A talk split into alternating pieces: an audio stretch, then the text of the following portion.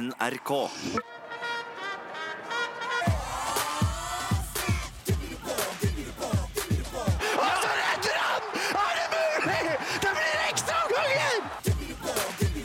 Timeout. En håndballpodkast fra NRK Sport. Sikringen har gått! Alt er tomt! NRK Sport. Ja, hei, hallo, guten tag og morgen, og hjertelig velkommen til en ny episode av håndballpodkasten Timeout. Ja, det stemmer. Et nytt håndballmesterskap, og nå er det altså gutta som skal i aksjon. Det er ikke mange år siden det var ganske lite å se fram til når gutta skulle i mesterskap, men nå så kan vi faktisk realistisk få lov til å drømme om medalje. Og en av de som har vært med på begge typer mesterskap, både det hvor vi kanskje ikke kan drømme så mye om medalje, og de hvor vi kan drømme i flere generasjoner, det er dagens gjest i Timeout. Time out, time out. Time out.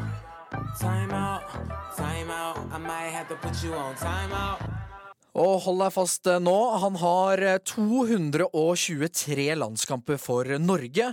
Han har skåret 682 mål. Han har faktisk spilt landskamper hvert eneste år de siste 16 årene, og det er ganske vilt. 11 mål, det er rekorden i én kamp, så får vi se om han selv husker hvem det var mot. Han er en legende på det norske herrelandslaget, og det motsatte som båtfører. Ja, det er bare å vente og høre. Han er kjent som en av de mest profesjonelle i håndballsirkuset, men jeg kan røpe at han også kan være litt sirkusartist utenfor banen.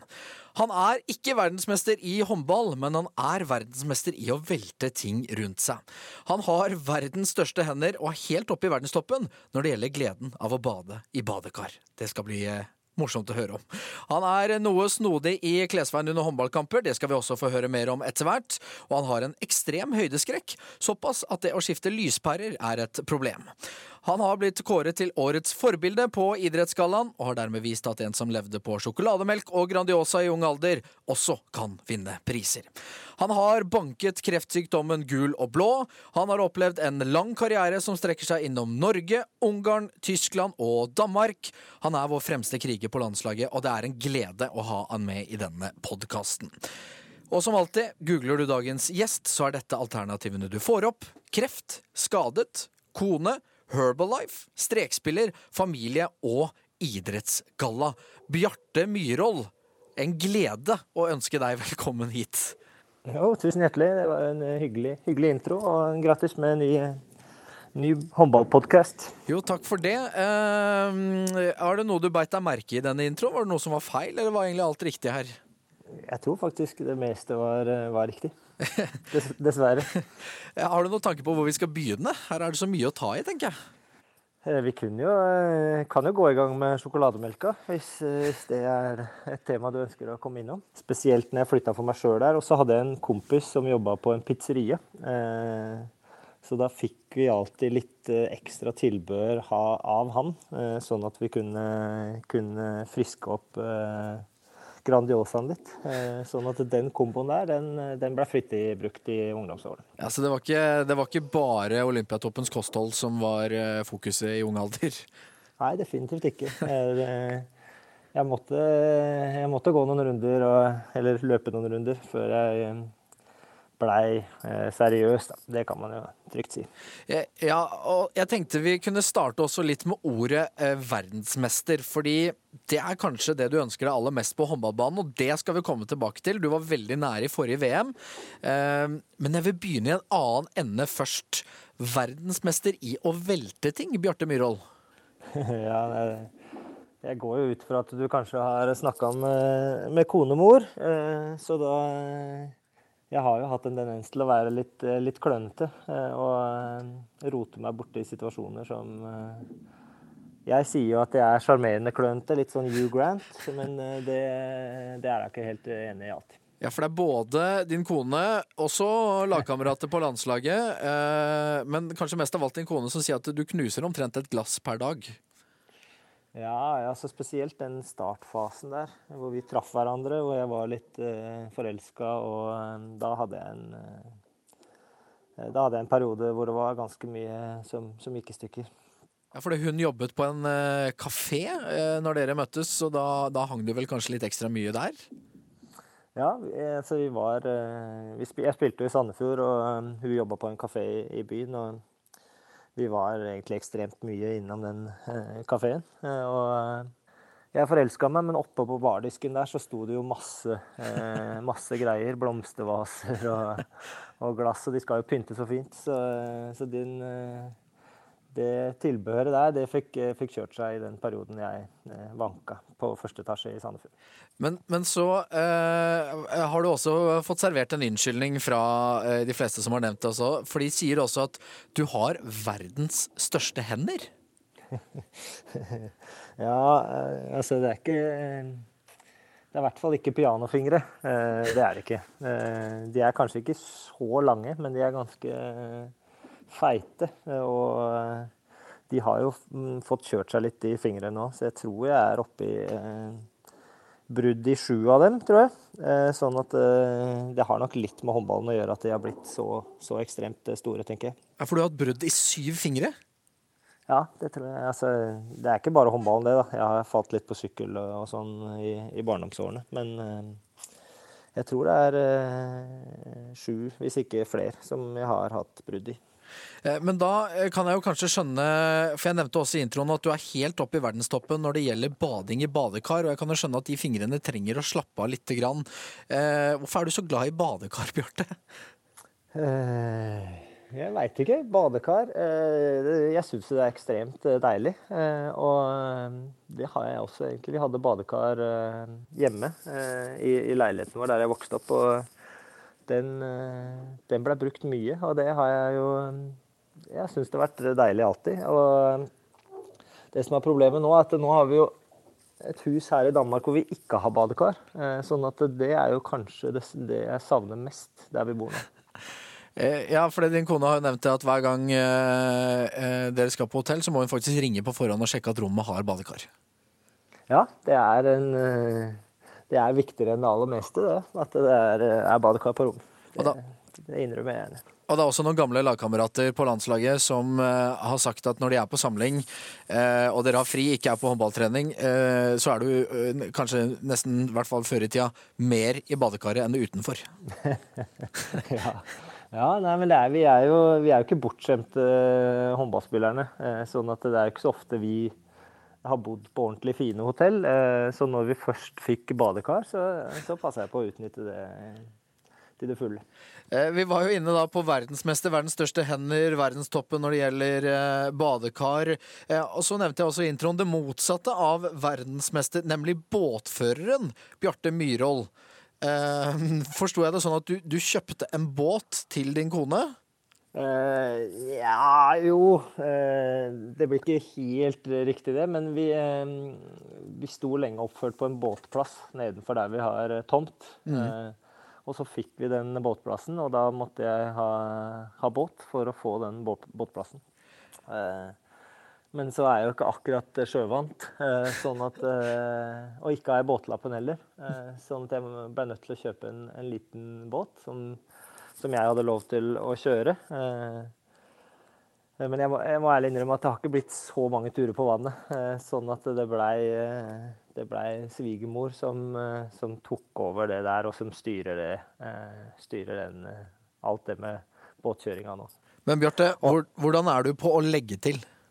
Nei, men det er jo ikke styrken, det. Eh, Sånn at det eh, Det må jeg øve meg på, da, for, eh, for å si det mildt. Eh, Og jeg kommer sikkert til å gå noen, gå noen runder ute i sjøen når vi flytter tilbake til Norge for å, for å føle meg trygg på det. Men det blir jo eh, på kveldstid når det ikke er noen andre i nærheten. Og det er litt flaut å være en, i hvert fall en sånn semi eh, semikjent person som skal legge til en, eh, en veldig liten båt og ikke klare det i det hele tatt. Det har vært pinlig et par ganger. Ja, for jeg skjønner at det har skjedd et par ganger hvor du skal legge til kai i Sandefjord. Eh, at du rett og slett har bare måtte kjøre rundt og rundt til det ikke er folk i havna lenger. Ja, ja. Det, så det, da må man bare bruke tida. Ta tida til, til hjelp. Så det, det funker alltid. Og skal jeg bare sjekke et rykte her, for eh, når dette båtkjøpet ble gjort, eh, stemmer det at du også kjøpte det jeg kan kalle litt sånn matchende båtklær? Nei, det stemmer ikke. Det her er eh, Det, det er helt klart eh, løgn fra noen som ønsker å eh, sette meg i et eh, dårlig lys. Ja, Vi kan røpe såpass, Bjarte, at det er Joakim Hykkerud som Det, det antok jeg. Jeg regner likevel med at den verdensmesteren som du aller mest ønsker å bli, det er verdensmester i håndball, Bjarte. Tror du at du kan kalle deg det om noen uker? Uh, jeg har vært med så lenge, så jeg, jeg syns det er eh, Det blir veldig merkelig for meg å, å tro på det. eh, Annet enn at jeg, jeg har veldig troa på ferdighetene i laget vårt. Eh, Jeg syns de har kommet opp på et ekstremt eh, høyt nivå. Eh, Men det å skulle gå ut og si at man virkelig tror på at man skal bli verdensmester, når man har vært med i i, veldig mange mesterskap hvor man ikke har blitt det, eh, så, så blir det, det skurrer litt eh, for meg. Så det lar jeg, meg, det lar jeg de yngre ta seg av. Eh, vi skal høre mer om dine tanker om, om mesterskap og ikke minst din lange landslagskarriere. Eh, dette ble en liten teaser. Eh, vi skal høre om det litt senere i, i podden. Men jeg tenkte vi skulle starte eh, litt fra begynnelsen, Bjarte. Så eh, nå skal vi rett og slett bli litt bedre kjent med minigangsteren Bjarte Myhrvold fra Stovner. Eh, og ikke minst, for meg, eh, et litt ukjent eh, mellomnavn. Time out, time out. Time out, time out, time out. I might have to put you on time out. Du begynte jo håndballkarrieren din, eh, Bjarte, i Oslo og på Stovner. Eh, hvordan var det å vokse opp på Stovner? Eh, Det å vokse opp på Stovner var egentlig helt eh, fantastisk. Eh, Jeg er veldig, veldig fornøyd med, med den oppveksten jeg har fått. Og eh, jeg har jo sett og opplevd eh, mye rart og mange forskjellige mennesker, men jeg er jo helt sikker på at det eh, har forma meg som, som menneske og gjort meg til den jeg er. Så, sånn at den, eh, den oppveksten jeg har hatt på, på Vestlia Stovner, det ville jeg ikke vært foruten. Ja, for jeg har jo prata litt med dine nærmeste, og, og de nevner jo også at jeg skjønner du opplevde litt av hvert i oppveksten din, selv om du kanskje ikke var den største gangsteren.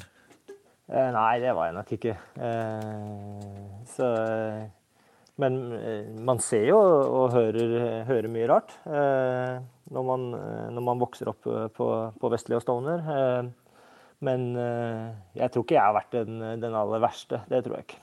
Eh, Hva var på en måte noe som har satt seg litt igjen hos deg, hva, eh, som eh, kanskje var en skremmende opplevelse sånn som du har opplevd eh, i, i barndommen? Eller ungdomstida? Ja, altså det kan ha vært mye rart. Eh, Alt fra eh, slåsskamper til, eh, til å treffe på folk som, som ikke er verdens snilleste, til noen, noen hjemmefester som, som går litt over, over skaftet, til, ja, til, det, til det meste, egentlig. En, en Egentlig en veldig trygg og god, god oppvekst med veldig mange gode kompiser, og som eh, ordentlig bra kompiser. Eh, men du skulle ikke så langt utafor eh, den indre eh, omkretsen før, før du traff mye, mye forskjellig. Ja. Eh, jeg skjønner at ikke du var den største gangsteren sjøl, men jeg skjønner at du er fryktelig glad i gangsterfilmer. Ja, det skal ikke så mye til eh, for å påvirke meg. eh, Ja, for da kommer din eh, indre gangster ut. ja. Jeg har sett det meste av, av gangsterfilmer, og da, da blir jeg gangster noen timer. Og så finner jeg tilbake til, meg, til mitt sanne jeg etterpå. Ja, for det var din, din kone som nevnte det, at da, da blir du voldsomt gangster noen timer også. Ja, ja det, kan, det kan fort være. Jeg må ta litt uh, sjølkritikk der, faktisk. Men er det, er det ordforrådet som endrer seg? Hvordan er det du begynner å prate da? Eh, nei, det kan vel være at uh, det blir noen engelske gloser, kanskje. Ja, det er sånn det skal være. Men eh, mellomnavnet ditt, for det hadde jeg ikke hørt før, før jeg faktisk begynte å, å virkelig sette meg inn i Bjarte Myhrvold, det er ikke så veldig gangster. Håkon? Håkon, ja. Det er sånn koselig norsk. Ja, jeg syns jo det passer fint, da. Eh, Så jeg, jeg tror hvis jeg får en, eh, en, et barn til, en guttunge til, eh, så, eh, så tror jeg det blir eh, en liten Håkon. Ja. Ehm, du eh, flyttet jo eh, etter hvert fra Oslo, for du spilte jo både i Vestli og så spilte du i Sandefjord før du tok steget ut som, eh, som proff. Eh, vi var litt inne på hvordan du var kanskje i tidlig alder på, som toppidrettsutøver med sjokolademelk og Grandis. Men var det først på en måte det derre steget ned til profflivet i Ungarn som gjorde at du virkelig tok tak? Nei, nei, det kom tidligere enn det. Eller det kom mye tidligere enn det.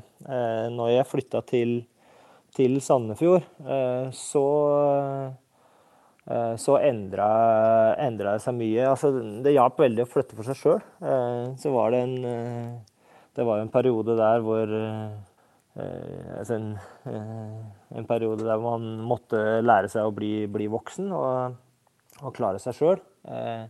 Men jeg syns det treningsmiljøet og den, den gruppa vi var i Sandefjord, det, det var i hvert fall det var høy klasse både på og utenfor banen. Eh, Så det var eh, Så da var vi veldig, veldig seriøse og gode i treningsarbeidet, og så var vi veldig flinke til å kose oss utafor banen også. Mm. Um eh, jeg har jo, som du har skjønt, eh, og som alle gjestene fort merker, snakket med en del av de eh, rundt deg. Eh, og da er det nevnt at på håndballbanen så har du en spesiell bekledning, eller snarere mangel eh, på en bekledning. Ja, det må være underbuksa, det, da. Ja, for du spiller Eh, kommando.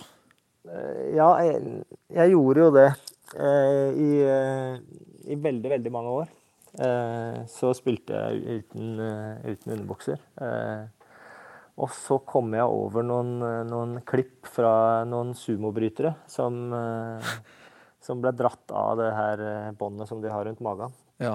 Og, og det er ikke sånn at uh, lillegutt, den, eh, den, den blir ekstremt liten uh, når man uh, spiller håndball og konsentrasjonen er på, på noe annet enn det. Så sånn jeg var faktisk litt bekymra for at noen skulle dra meg shortsen. Og at det skulle bli et pinlig øyeblikk. Så da, da har jeg begynt nå i, i seinere alder å bruke en sånn eh, tightslignende underbukse.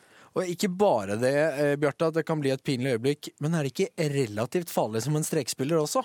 Jeg tror ikke den, den tynne tightsen utgjør noen stor forskjell på det, faktisk. For å være helt ærlig. Eh, dette er jo eh, ett av eh, mange ritualer som fins i, i, i håndball. Har du andre ritualer eller faste ting du på en måte alltid har gjort eller må gjøre før eller under eller etter kamp? Eh, Alle jeg spiller med, tror at jeg har veldig mange ritualer. Eh, Egentlig så er jeg veldig rolig og, og lar meg veldig sjelden stresse hvis det er noe som, som går utafor normalen. Eh, Men det jeg gjør, er at den perioden før kamp fra man kommer i hallen halvannen til to timer før, før kamp, så den kan være ganske kjedelig. Eh, Så da gjør jeg egentlig det samme hver eneste gang, sånn at jeg skal slippe å tenke over hva jeg skal og, og bør eh, gjøre. Eh, Sånn at hele den oppvarmingsbiten og alt, det gjør jeg likt hver eneste gang. Mm. Rett og slett for da slipper jeg, slipper jeg å tenke. Mm. Um, var det på Stovner du oppdaget Mot i brøstet? Mot i brøstet, det er ikke ingen, ingen favoritt. Ja, det er ikke det. det. er det. Dette er altså den første gjesten hvor vi virkelig bommer på infoen. Her er altså Alan Mamlund som mener at Mot i brøstet er den store favoritten. Eh, altså etter å ha spilt med Erlend, så fant vi fort ut hva angår eh, dårlig eh, seriesmak. Eh, Ok. Så, så det er, eh, det er Erlends eh, favorittserie. Ja, det er Erlends favorittserie, ja. Ja, han har prøvd å prakke den på meg eh, i alle de årene vi har spilt sammen, og han har faktisk aldri klart det. Ja, Da er det i hvert fall tydelig å se, Bjarte, at uh, du er uh, så langt kanskje den første gjesten uh, som folk rett og slett bare ønsker å kødde med mest mulig. Eh, Bjarte, vi skal, eh, som jeg nevnte, snakke litt om landslaget og snakke litt om eh, mesterskap. Så vi, eh, vi gjør det nå, vi. Vi eh, toger på videre. Vi er et lite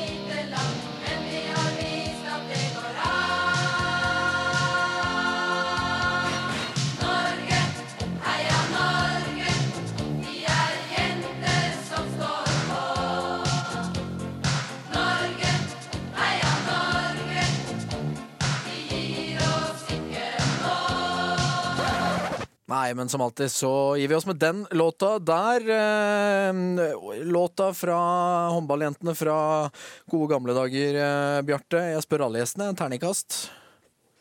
Nei, jeg syns den uh, 'Jentene med nebb og klør' det er nok favorittsangen, uh, håndballsangen min. Ja. For jentene, altså. For jentene. Sander Sjagosen var jo frampå her og sa at hvis det blir VM-gull, så skal han klare å samle gutta til å spille inn en låt. Er du med på den, eller? Jeg er ikke overraska over at han sa det, så jeg får si ja til at jeg kan kore litt i bakgrunnen. Eller kanskje en liten rap, i og med at vi har vært innom Eh, Stovner-tida her i dag. ja, det er bra. Eh, jeg nevnte jo i introen eh, at du har spilt minst én landskamp hvert år i 16 år. Dette blir et dumt spørsmål, men det må jo være noe du er relativt stolt over? Ja, jo. Jeg tenker egentlig ikke så mye over det sjøl. Det, det, er en del av, av jobben min. Så, men jeg syns det er gøy. Da. Hver gang jeg er på banen for, for landslaget, så syns jeg det er litt ekstra morsomt. Og så syns jeg også at det hjelper meg i, i treningshverdagen generelt ellers òg, å vite at man skal ha noen sånne gulrøtter i, i sikte, som ligger der hver eneste januar. Så jeg har ikke jeg har ikke tenkt noe særlig over at jeg er stolt over det. Det har jeg ikke. Eh, du har jo da vært med i eh, to generasjoner av håndballspillere. Eh, hva vil du si er på en måte forskjellene nå og, og den generasjonen du spilte med helt i starten? Ja, Det gjelder jo ikke bare de håndballspillerne jeg spilte sammen med, men seriøsiteten er den største forskjellen. Mm. Eh, Eh, fra, fra, tidligere og til nå. Eh, og det gjelder stort sett alle. Eh, det var mye mer festing og utenomsportslig tidligere. uansett klubb eller lag eller hva det måtte være. Jeg vet ikke om det var fordi det var færre kamper og mer tid, men sånn som det er nå, så, så spiller vi så er det kamper stort sett for alle landslagsspillere hver tredje, da. Så mm. da, da er det et eh, Det har blitt veldig, veldig seriøst eh, i, i toppen av, eh, av herrehåndballen. Ja, for det er det vi har hørt også, at øh, ting som du sier skeia kanskje litt lettere ut, både på klubben, men også på en landslags Ikke nødvendigvis samling, men uh, i et landslagsmiljø. Da, at nå er man mye mer fullverdige toppidrettsutøvere som lever på en måte 24-7 etter det. Ja, det, det syns jeg er en god, god beskrivelse. Men som jeg også nevnte, forskjellen tidligere var jo at det var det kunne jo være lenge til neste kamp mm. Eh, etter, etter, en, eh, etter en, eh, ja, type en landslagssamling. Da. Så da var det helt vanlig å gå ut. Mens nå så har spillerne ofte helt ned mot 48 timer til de, skal, til de skal spille neste kamp, og det er jo helt, helt unaturlig å, å, å, bruke den tida på noe annet enn å restituere og gjøre seg klar til neste kamp neste runde med kamp. Mm. Eh, Bjarte, hva vil du si er eh, høydepunktet så langt for deg i din landslagskarriere? Å, det er VM-sølvet, helt klart. Det er VM-sølvet i eh, Frankrike? Ja, det er ikke noe tvil om. Nei, det er, det er uten tvil høydepunktet mitt.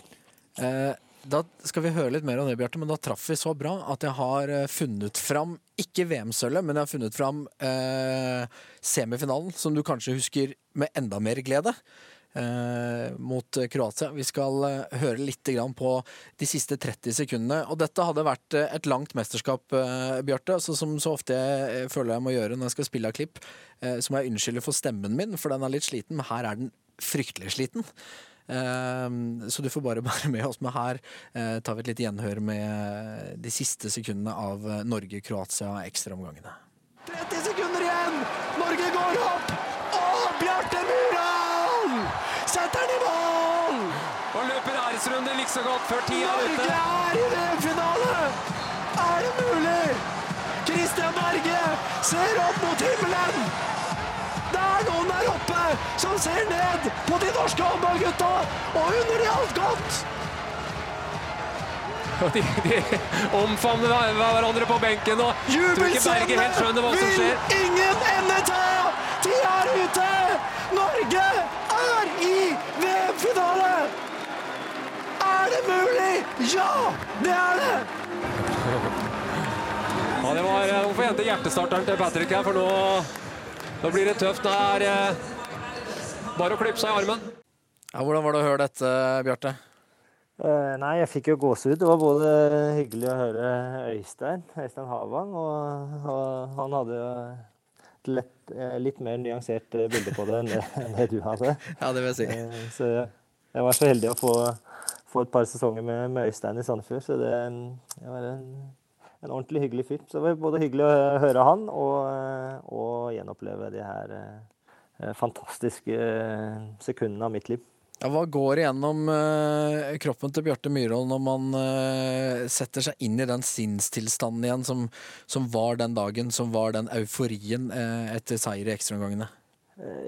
Jo, men det var jo ikke bare eh, det som er litt spesielt. Når man er med, med landslaget, så er man samla i, i så lang tid. Eh, og så ender det opp eh, med en sånn suksessopplevelse. Eh, for meg personlig så lå det jo egentlig enda lenger tilbake i tid enn det.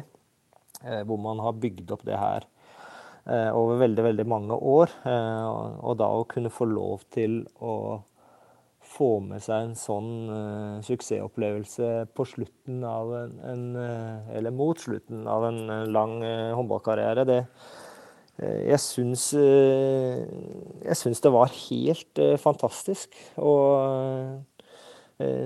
kan vel ikke forestille meg at det fantes så mange gladere mennesker eh, eh, på denne planeten enn meg akkurat da. Eh, og jeg syns også i ettertid at det har vært med på å litt definere meg som, som håndballspiller også. At man faktisk fikk, fikk med seg noe fra en, en lang landslagskarriere. Mm. Eh, som du nevnte, så var jo VM-sølvet høydepunktet. Men jeg vet også at noe av den største drømmen du har, eh, det er å oppleve å spille et OL. Er det mye av grunnen til at du også eh, Du snakker om gulrøtter fram i tid. Er det på en måte mye av det som driver deg til å fortsette å holde på det å få oppleve et OL? Eh, ja, eh, jeg syns OL alltid har sett ekstremt morsomt ut. Og, eh, og det å kunne få lov til å, å være egentlig en del av nasjonen Norge da, i et sånt eh, mesterskap, eh, det hadde vært vanvittig artig. Mm.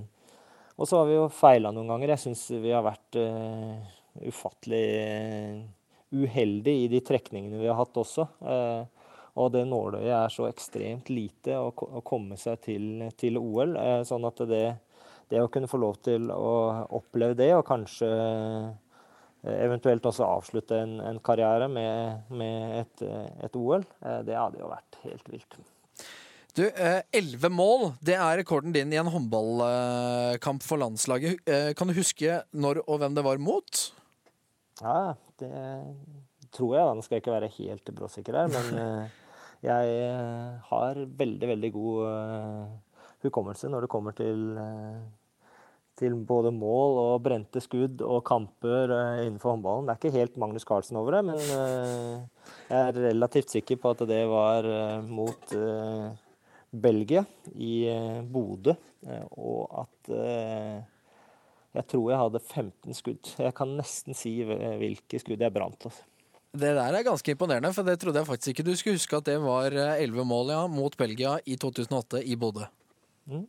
Det var ikke gærent, det. Nei, det imponerte du eh, virkelig. Men, eh, Spiller du sjakk òg, eller siden du eh, har såpass god hukommelse? Ja, jeg har spilt litt, litt sjakk, bare på amatørnivå. Men jeg syns spillet er ekstremt interessant i forhold til spilleforståelsen, å tenke framover i tid. Og, men jeg har aldri helt knekt den koden med å bli ordentlig god. Sånn at Men jeg tror eh, jeg tror spille, Har man spilleforståelse i sjakk, så tror jeg man også fort kan ha spilleforståelse i, i andre idretter også. Eh, Da vet jeg i hvert fall at jeg skal ta med meg min eh, 16.-plass i kretsmesterskapet i Telemark i sjakk fra jeg var eh, ni år gammel, og utfordre deg til en match eh, neste gang vi, eh, vi møtes i mesterskap. Er du med på den? Nei, det er det jeg ikke er. Jeg er altfor for vinnerskalle til å eh, Så da hadde jeg gått i trening, eh, og det har jeg ikke tid til nå. eh, så det må jeg faktisk takke nei til. Eh, nå har vi jo snakket litt om oppturer, litt om drømmer. Eh, men hva har det vært den største nedturen med landslaget for din del, Bjarte? Å, det er vanskelig å komme utenom Kroatia i 11 og Polen i Hvor vi tapte semifinalene. Eh, det er veldig vanskelig. Nå ble- blei det jo en opptur i Polen eh, fordi vi eh, eh, Fordi vi eh, kom til de semifinalene, eh, eller den semifinalen. Eh, Men Kroatia 11 og Norge på hjemmebane, det må være de to største nedturene eh, for meg personlig. Nå kommer det et uh, nytt mesterskap uh, som vi håper bare blir flere oppturer, ikke nedturer. Vi skal uh, høre vi hva du tenker om mesterskapet nå i januar i din, ditt nye hjemland, Danmark, hvor Norge skal igjen kjempe om medaljer.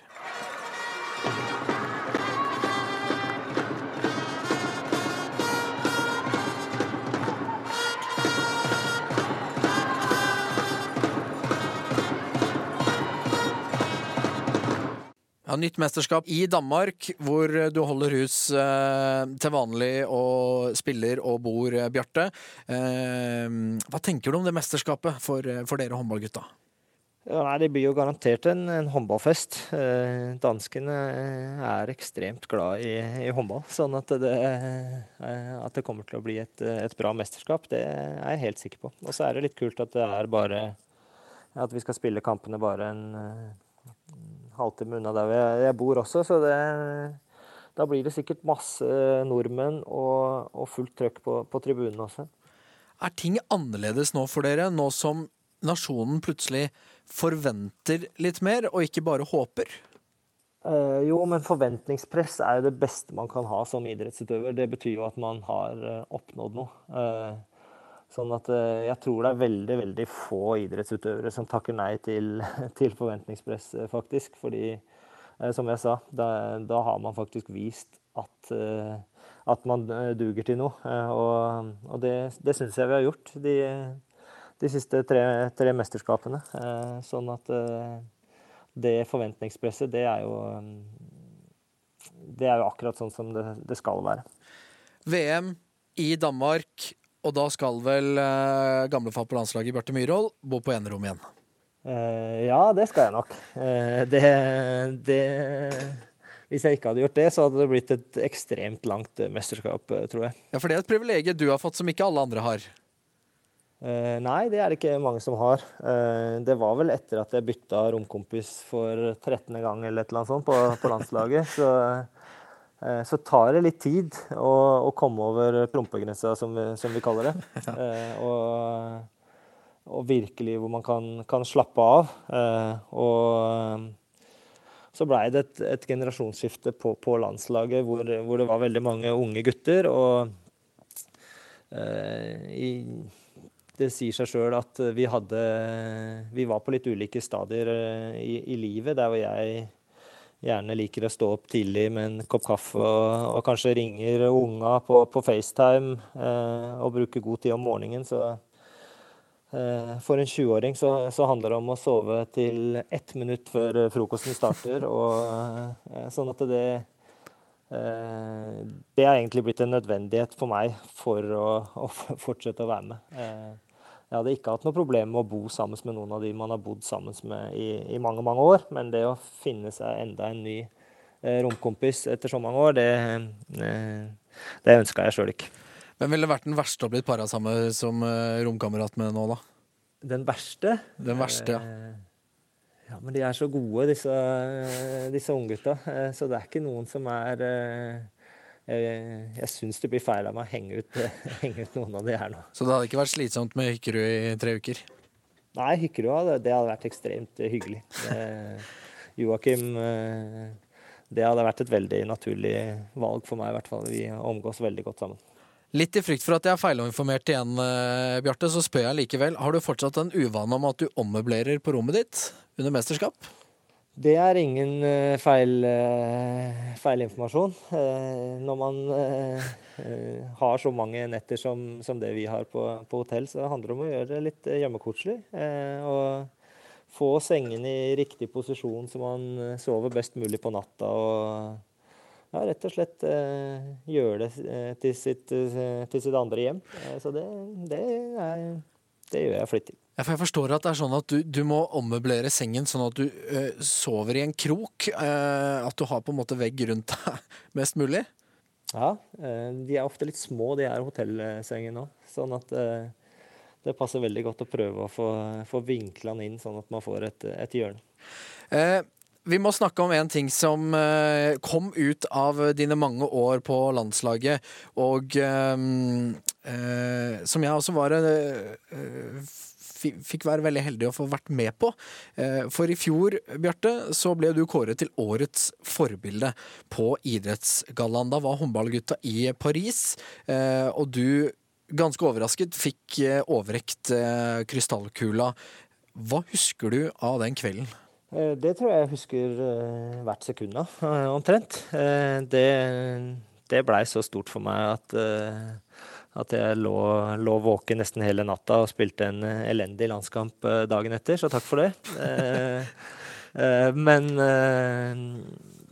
jeg syns jo fortsatt at den utmerkelsen, den, den står så høyt for meg at at den nesten kan sidestilles med alt mulig annet. Og jeg, det er, eh, det er ikke mye jeg er veldig, veldig stolt av her i livet, utenom eh, familie og unger. Men akkurat eh, den prisen, den, den verdsetter jeg ekstremt høyt.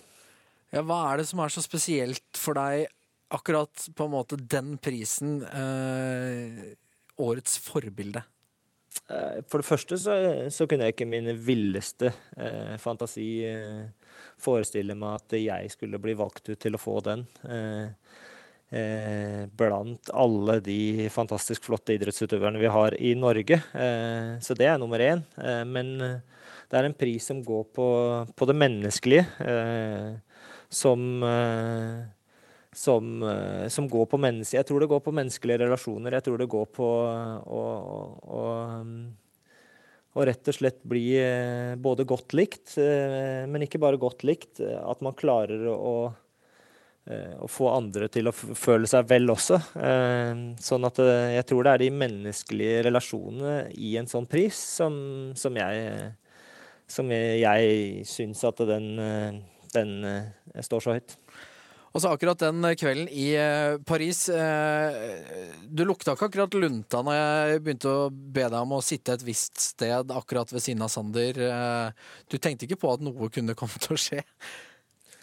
Nei, jeg trodde jo, eller jeg var jo relativt sikre på at vi kom til å få den årets lagprisen. Eh, sånn at jeg tenkte ikke så mye lenger enn det.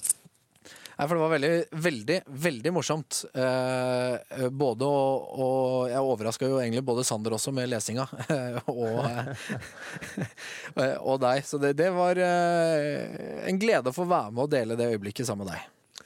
Eh, Fyr løs. Ja, det er bra. Enten eller. Enten eller eller. Ja, enten eller. Ja. Vi skal rett og slett ha vår eh, relativt nye faste spalte enten-eller. Du velger. Du får altså to alternativer, Bjarte, og så må du velge én av de. Et slags eh, dilemma, rett og slett. Eh, reglene forstått? Ja. Ja. Eh, og disse er jo ganske godt mynta på deg, det vil du merke ganske fort. Eh, det første spørsmålet er aldri spise Nonstop igjen, eller aldri se på TV? Da blir det å aldri spise Nonstop igjen. Ja, der måtte du bruke ganske lang betenkningstid. Ja, det hadde vært vondt å legge, legge vekk Nonstopen eh, resten av livet. Det hadde vært eh, hardt. For jeg skjønner at Japp og Nonstop, det har du et ganske spesielt forhold til. Jeg er glad i sjokolade generelt. Eh, Dessverre så er jeg en av de som, som legger på seg fort, eh, sånn at jeg må prøve å, å, å passe litt på. Eh, og jeg forstår det også uh, sånn at uh, dere kan ikke ha godteri hjemme, for da blir det spist opp. Ja, det gjør det. Og jeg har Altså, for å bare Beskrivelsen på dårlig menneske, det er når man spiser opp eh, lørdagsgodiset til, til unga sine. Da, og der har jeg vært et par ganger hvor jeg har vært måttet sende, sende madammen ut for å kjøpe nytt eh, lørdags, lørdagsgodt. Ja, For da har ungene rett og slett stått der og sagt 'pappa, nå er det på tide med lørdagsgodt', og da har du sagt 'det, kjære barn, det har jeg spist opp'. Nei, det, det har jeg ikke sagt. Eh, Så jeg er enda dårligere menneske enn det. det jeg har jo vært ute og kjøpt eh, på, på forhånd, sånn at de ikke merker det. Eh, vi fortsetter med neste eh, enten-eller. Bjarte Myhrvold, danse Gangnam Style eller synge karaoke? Nei, jeg, måtte sagt eh, synge, synge karaoke. Eh, Det, det måtte blitt. Men forstår du hvor jeg vil hen her? Definitivt. For her har eh, din gode venn og, og stjernespiller Andy Schmid Han har nevnt at det var en lagfest i Tyskland, og så skal du egentlig bare få lov til å fortsette.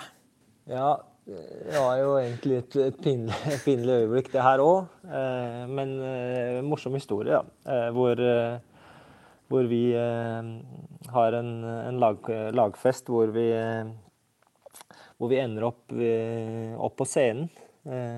Og så var det en DJ som spilte noe musikk og noe greier. Og for å gjøre historien kort, så akkurat idet Gangnam Style blir spilt, eh, av eh, en merkelig grunn at den ble spilt, men eh, så dytter Ove Gensheim med meg i ryggen, eh, og sånn at jeg står alene ute på scenen der, og det var sikkert eh, 2000-3000 mennesker eh, foran scenen. Eh, og, og fikk beskjed om å danse Gangnam Style, og eh, leverte ikke akkurat på høyeste nivå, tror jeg.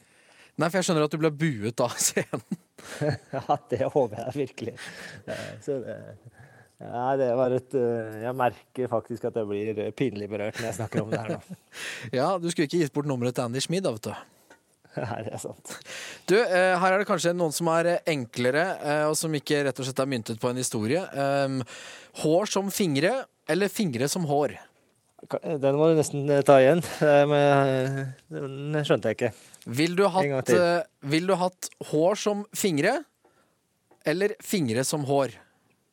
Nei, så ville jeg hatt fingre som hår, tenker jeg. Ja, Litt dreads-aktig. ja det blir jo det. det blir, ja. hvordan hadde du kledd dreads?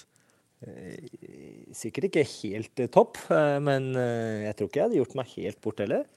Eh, og så har vi siste da, Bjarte. Spille uten klister resten av karrieren, eller spille uten sko?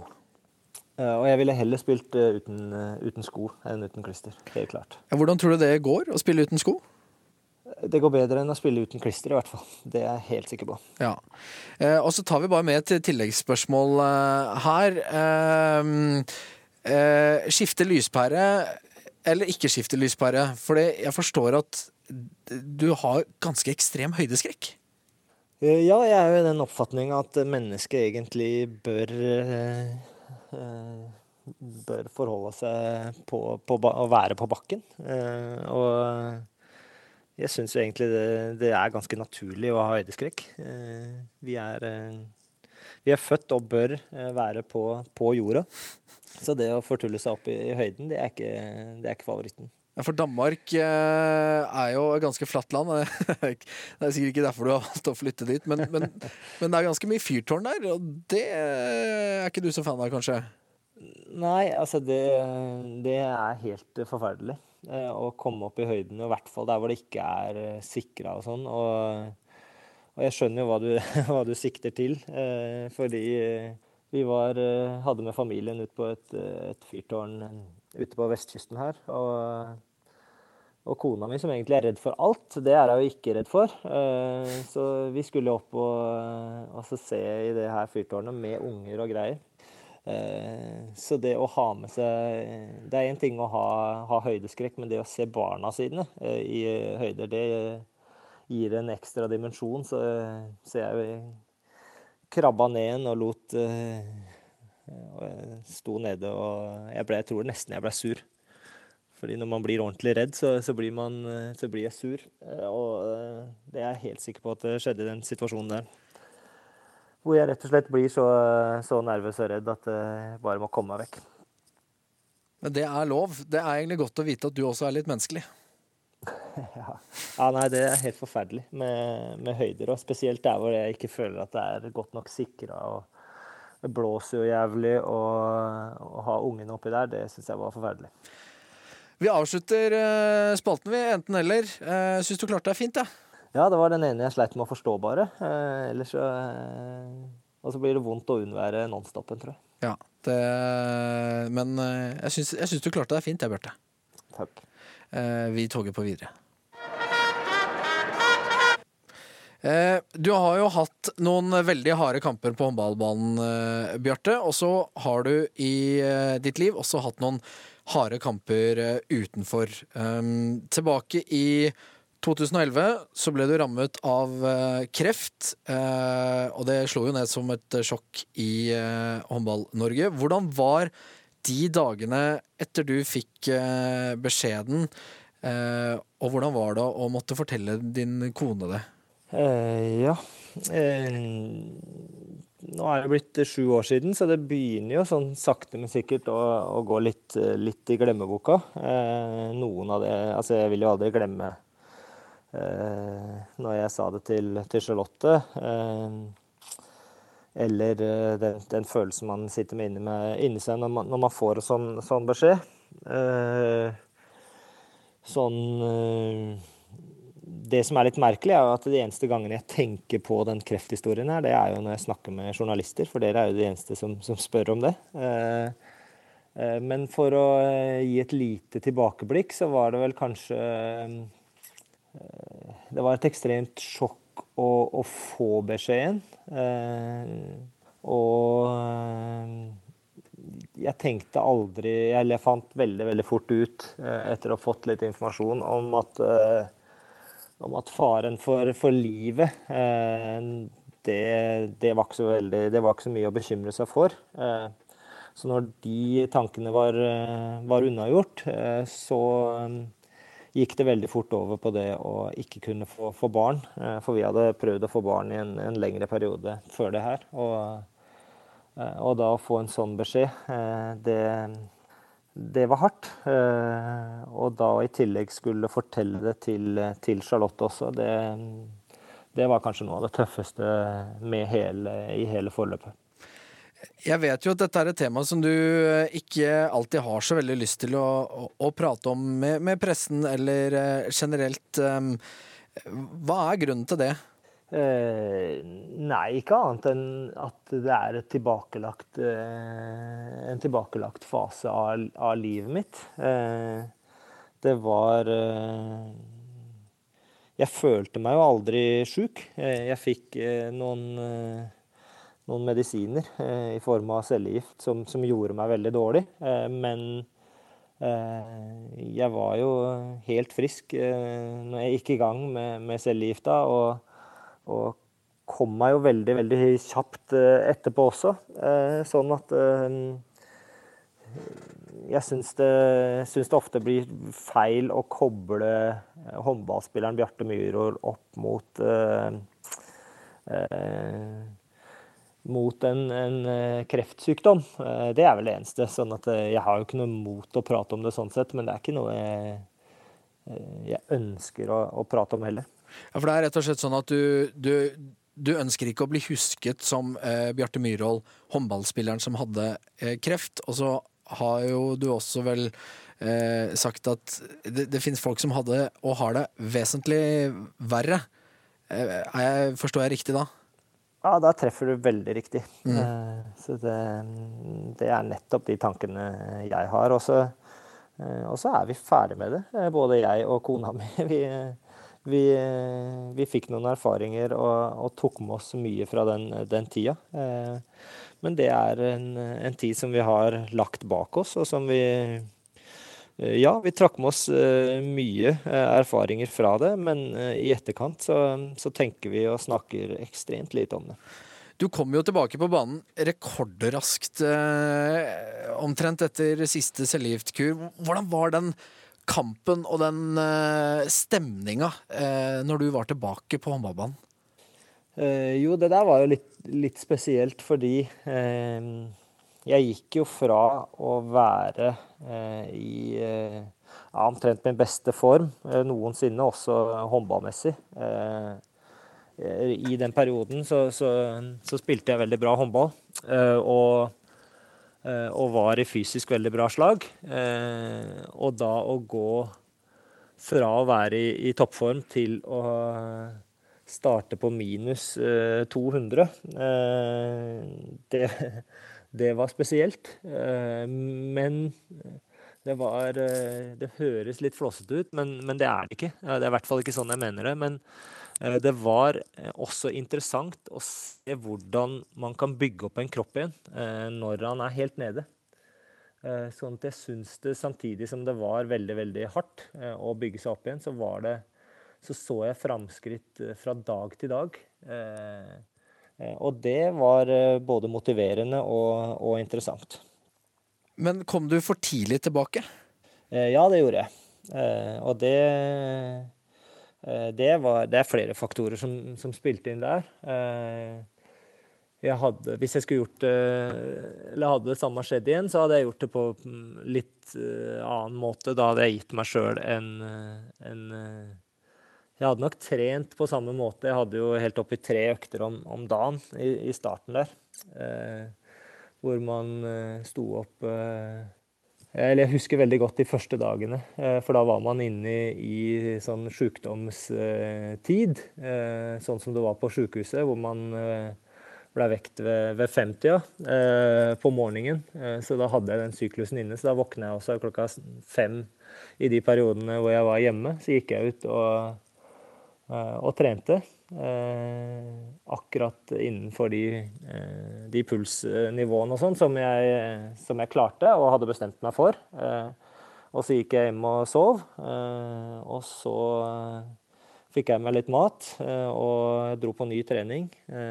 holdt vel en 45 minutter time på trening nummer to før jeg måtte hjem og sove igjen. og så en ny økt på, på ettermiddagen. Så så det var eh, det var veldig spesielt å kunne tåle eh, så lite, men samtidig få lov til å, å være med å bygge opp den kroppen som jeg nevnte i stad. Det, det, det, var morsomt å se.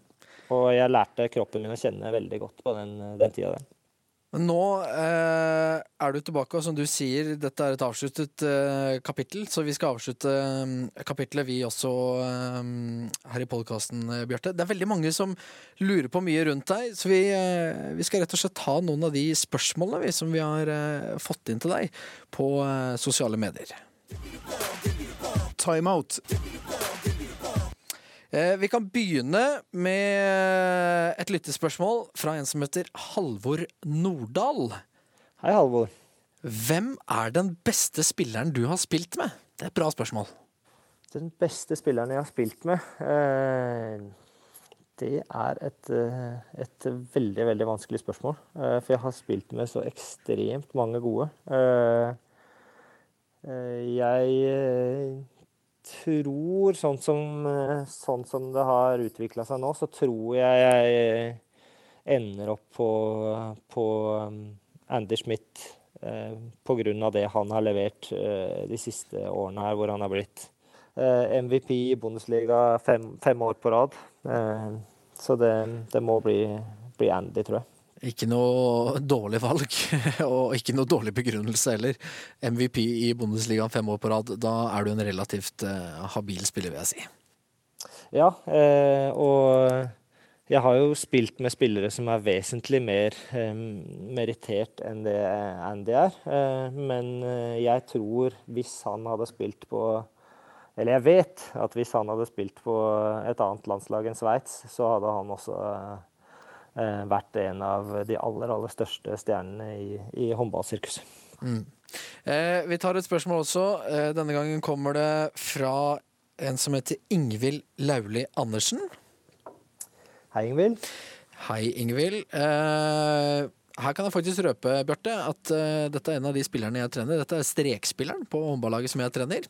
Uh, hyggelig, hyggelig. Ja, og hun lurer på, hvis du ikke var håndballspiller, hva ville du vært? Eh, ja, godt spørsmål. Eh, jeg ville nok helt sikkert eh, jobba med et yrke der jeg kunne få, få jobbe med mennesker, og unge mennesker. Så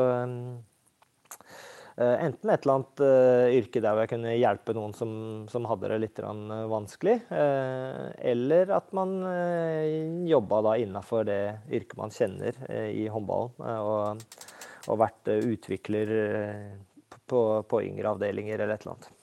Jeg ser for meg deg som brannmann, jeg vet ikke hvorfor. Eh, jo, eh, brannmann kunne jo vært fint nok, men eh, jeg har jo ingen skills når det kommer til det å fikse ting, eller eh, hvis noe går i stykker eller et eller annet. Sånn at eh, jeg tror eh, jeg har selvinnsikt nok til å se at det ikke, ikke ville funka bra. Og så er du redd for høyder òg, så det kan på en måte ikke brenne høyt Ja, nettopp. Nettopp. Nei. Eh, Brannmann på bakken, det Ja, det funker relativt dårlig. Ja. Uh, vi tar neste spørsmål. Uh, det kom fra en som uh, bare kalte seg Sabel på Instagram. Um, hei, Sabel, får jeg nesten bare si. Hva får deg til å gråte? Eh, Jeg gråter Jeg griner egentlig ganske mye, jeg, da. Eh, sikkert i forhold til gjennomsnittet. Ja, for du er et følsomt er jo- menneske. Ja, på noen eh, punkter så er jeg det. Eh, og eh, jeg er ekstremt følsom òg for, for unga. Sånn litt Litt over på nesten over i det pinlige noen ganger. Så, så jeg tror helt klart at hvis ungene sier eller gjør noe, eller kommer med noen hyggelige kommentarer, så, så kan det komme en liten tåre i øyekroken. Ja, det syns jeg er en uh, mer enn gyldig grunn til å uh, gråte litt. Vi tar med det siste spørsmålet. Det kommer fra en som heter Joakim Hykkerud. Hei, Joakim. Hei, Joakim. Uh, hvor irriterende er han på trening?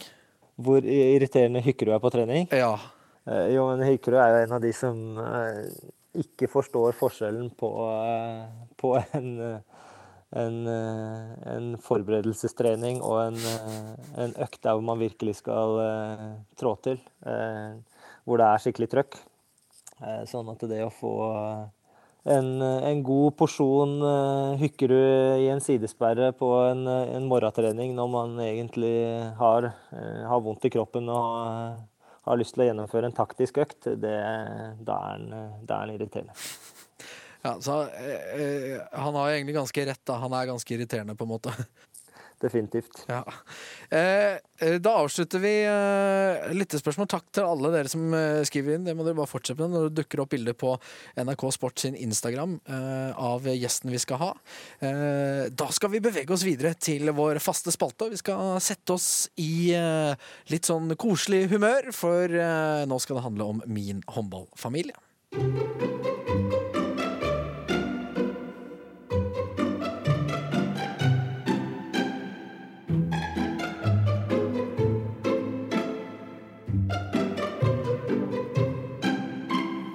Ja da, Trivelig stemning når det er snakk om familie, og min håndballfamilie. For som jeg har sagt til det kjedsommelige hver gang, det er altså slik at det fins et eh, ordtak som eh, sier at eh, det kreves en landsby for å oppdra et barn. Og sånn tenker jeg også at det er for en håndballspiller. Man trenger gode egenskaper rundt seg for å fungere best mulig selv. Så alle gjestene skal altså plukke ut seks egenskaper som de ønsker å ha rundt seg. Så skal vi pare de til en håndballspiller, og så skal den syvende spilleren, det skal være gjesten sjøl, denne gangen Bjarte Myrhold. Og eh, Bjarte, de seks egenskapene som du har valgt ut, det er eh, gledesspreder, forbilde, eh, den du stoler mest på, den du har telepati med, den du kan gjøre omtrent ting i blinde med. Så har du valgt den merkeligste og maskinen. Um, skal vi begynne med gledessprederen og rett og slett bare komme godt i gang her? Hvem er gledessprederen på ditt, uh, ditt lag?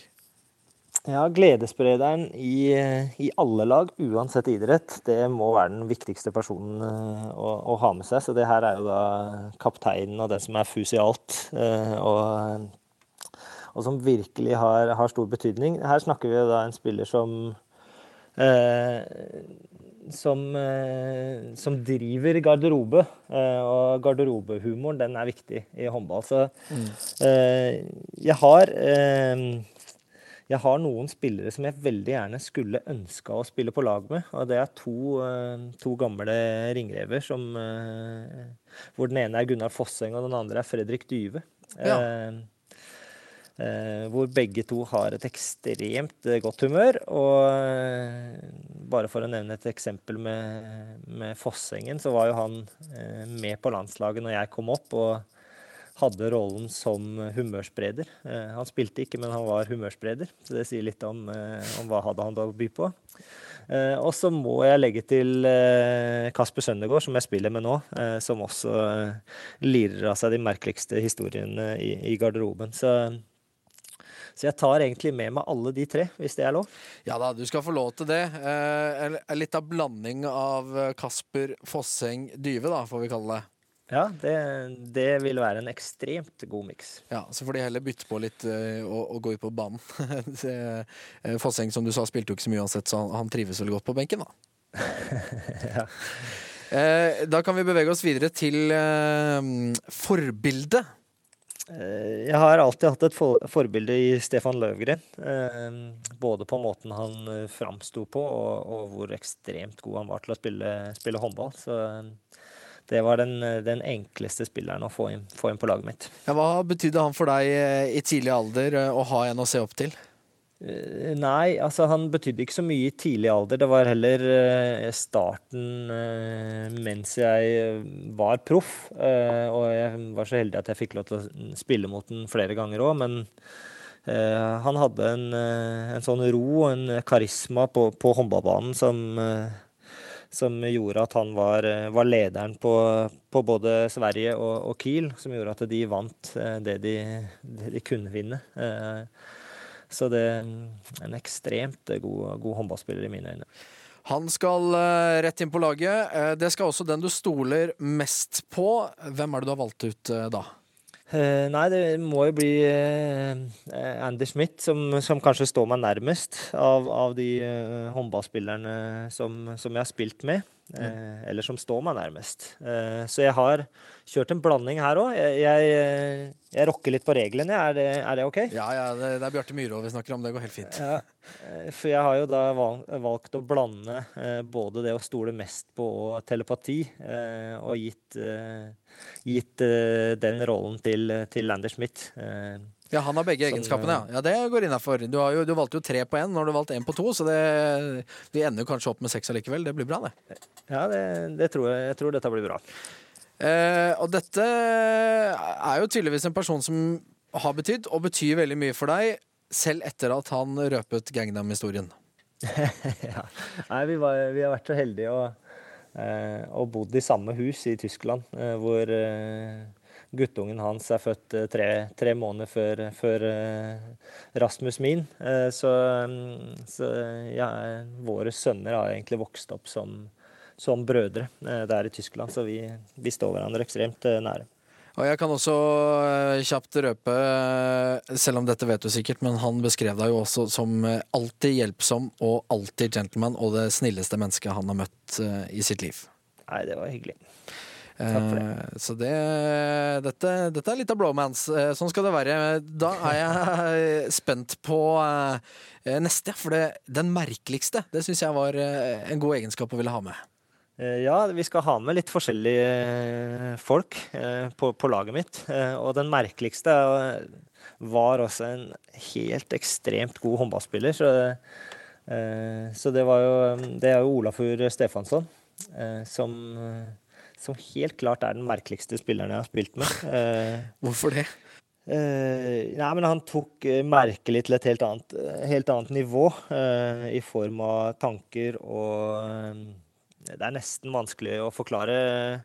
Uh, altså Det siste jeg har sett han uh, nå, uh, er en video på, eh, som jeg så på Facebook, hvor han løper rundt på et gamlehjem og eh, med en sånn uh, klovnehatt eh, for å prøve å vekke, uh, vekke liv og gi de gamle menneskene et bedre liv. Uh, så han, han tenker eh, eh, Hvis det er mulig te Han tenker så langt utafor boksen at du ikke klarer å, å følge med. Eh, men samtidig så eh, var det veldig morsomt å, å snakke med en eh, og, og få de her eh, eh, å få lov til å oppleve noen av de historiene og tankene han hadde. Så, mm, så definitivt den merkeligste spilleren jeg har spilt med, eh, og i tillegg da ekstremt god. Ja, eh, det syns jeg var eh, meget godt eh, begrunnet. Da mangler det bare én egenskap på laget ditt, og det er maskinen. Eh, Dette kunne jo vært deg, men eh, det kunne også vært ganske mange andre spillere som du har spilt med. Jeg er veldig spent på hvem du har valgt her. Nei, maskinen eh, overgår meg eh, til de grader. Eh, der har jeg valgt Alexander Petterson. Som jeg ønska å ha med fordi når man spiller håndball, så er du helt avhengig av å ha noen som som du veit alltid er til stede, og som du veit alltid, alltid går i krigen. Og, og Alex, han Han hadde jo ikke han, har jo ikke høyden til å egentlig skulle levere på det nivået han har, eh, verken framover eller bakover. Men av da eh, ekstrem eh, innsats og, og en, en voldsom fysikk i den, eh, den kroppen han har, så, så skal han få, få plass på, på laget mitt. Og da er eh, laget ditt eh, komplett med de egenskapene som eh, du ønsker rundt deg, og som gjør deg best mulig. Og så skal du selvfølgelig være den syvende spilleren som går inn på eh, dette laget. Og du tar med deg ganske mange gode egenskaper, du også. En eh, virkelig kriger som jeg tror de fleste vil ha med seg på laget, som går eh, i front. Du tar jo også med deg egenskapen som en kanskje ikke maskin, men du er treningsvillig. Og i tillegg så har du en, en vinnerskalle som jeg tror eh, de fleste vil misunne deg. Så da begynner dette laget å se ganske, ganske så bra ut på papiret, herr Myhrvold. Ja, takk for det. Eh, og da skal du få lov til å fylle på, eh, uten å tenke egenskaper, men bare å tenke hvem eh, er det du har lyst til å ha på benken som kan komme inn når eh, folk blir litt slitne. Og her skal du få velge de, de beste av de beste fra når som helst i håndballhistorien. Eh, Ja, jeg syns det var litt eh, vanskelig, eh, så, så jeg valgte i hvert fall to av de spillerne som jeg alltid har hatt lyst til å spille med, som jeg aldri, aldri har fått, fått spilt med. Den ene er selvskreven i, i Karabatic, Selvsagt. som, som jeg tror alle, alle ville valgt. som har levd i min tidsepoke på håndballbanen. Mm. og den andre er Sterbik i mål, som jeg alltid har syntes vært, eh, vært nummer én, eh, og som, eh, som eh, har eh, sin, sin helt egne stil, og, og som rett og slett bare redder utrolig mange håndballer. Eh, så jeg ville gjerne hatt han, eh, hatt han med. Og så Eh, kunne jeg godt eh, tatt med meg eh, Lassarov igjen. Eh, jeg fikk et år sammen med han i Veszprem. Men alle som har skåret over 1000 Champions League-mål, eh, kan godt få lov til å få en, en plass på benken eh, hos meg. Ja, det syns jeg. Eh, Du har jo valgt ganske internasjonalt. Nå har du jo spilt mye internasjonalt. Hvis du absolutt skulle bli utfordra på å tatt med deg en, en nordmann på, på benken også, hvem, hvem ville du tatt med deg da? Ja, men jeg hadde jo tatt med Sander, fordi det er helt jævlig å spille mot Sander. Fordi, fordi han alltid, alltid er farlig og alltid går på kassa, og jeg veit at han tenker at uh, jeg er verdens dårligste forsvarsspiller når han, når han har ballen. Uh, det tenker han for øvrig om alle. Uh, men eh, Så jeg ville hatt med Sander, sånn at jeg slapp å møte han eh, på eh, et eventuelt motstanderlag. Ja, Da lurer vi inn eh, Sagåsen eh, på slutten her. Hvem eh, skal få eh, æren av å lede dette laget? Eh, Jo, men eh, vi har jo eh, vi har vært litt inne på det, at vi skal ha god stemning. Dette er et lag som, hvor det skal være hygge, som vi sier her i Danmark. Så, og den hyggeligste treneren jeg har hatt, det må være Robert Hedin. Så, Ja. så jeg skal ha Hedin til å stå der på benken og fortelle gamle røverhistorier og, og spre, spre hygge utover det laget vi har. Gamle landslagssjefen eh, skal få lov til å gjøre et lite, lite comeback eh, som din trener, da. Eh, og der finnes det jo noen røverhistorier og, og gode historier som, som kan deles. Og han blir jo gledesspreder, han også. Ja, altså Det beste med Robert var måten han alltid fikk andre til å føle seg interessante på. Og det er en ekstremt god, god egenskap. Så, så en, en gjennomført, hyggelig, hyggelig svensk fyr. Da gjenstår det bare én ting, Bjarte. Hva blir navnet på denne herlige buketten av spillere? Nei, det må bli de Jeg har valgt De glade ringrever, eh, som eh, Hvor det bare, både skal være god stemning, men vi skal også eh, ha, ha opplevd litt ting sammen. Det syns jeg var uh, veldig passende. Uh, Bjarte, det har vært uh, en glede å få bli litt bedre kjent med deg. Komme enda litt mer under huden på deg. Har du hatt, har du hatt det gøy sjøl? Det har jeg absolutt. Det, det, det kunne blitt enda pinligere enn det det blei. Så jeg er faktisk godt fornøyd med åssen vi kom oss gjennom denne hyggestunden sammen. Du er positivt overraska. Definitivt. Ja, det er bra. Eh, Men da vet vi også at det fins flere historier hvis vi har deg som gjest. eh, Det er det definitivt. Eh, ja, da gjenstår det jo egentlig bare å, å eh, si eh, ha det. Har du en spesiell måte du eh, sier ha det på? Eh, Så vil det bli eh, Snakes on a plane. Snakes on the Plane fra Bjarte Myhrvold. Eh, vi skal avslutte med eh, god stemning eh, igjen. Og vi skal avslutte med det som eh, Bjarte beskriver som det største høydepunktet i sin karriere. Vi tar med oss eh, avslutningen av Norge-Kroatia igjen. Folkens, det kommer en ny episode hver uke. Er ikke det deilig? Time out. Og eh, så høres vi igjen eh, om en uke. 30 sekunder igjen! Norge går opp! Og Bjarte Myhrvold setter den i mål!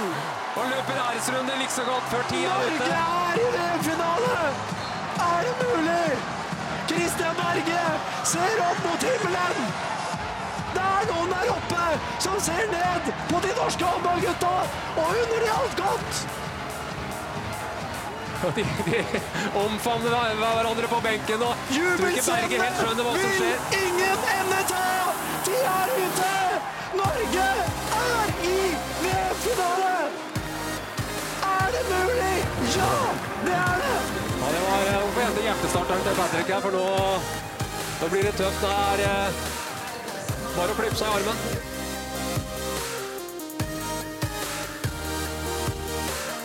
Timeout. Du får en eh, ny episode hver uke, og den eh, finner du på nrk.no podkast eller i iTunes. NRK Sport.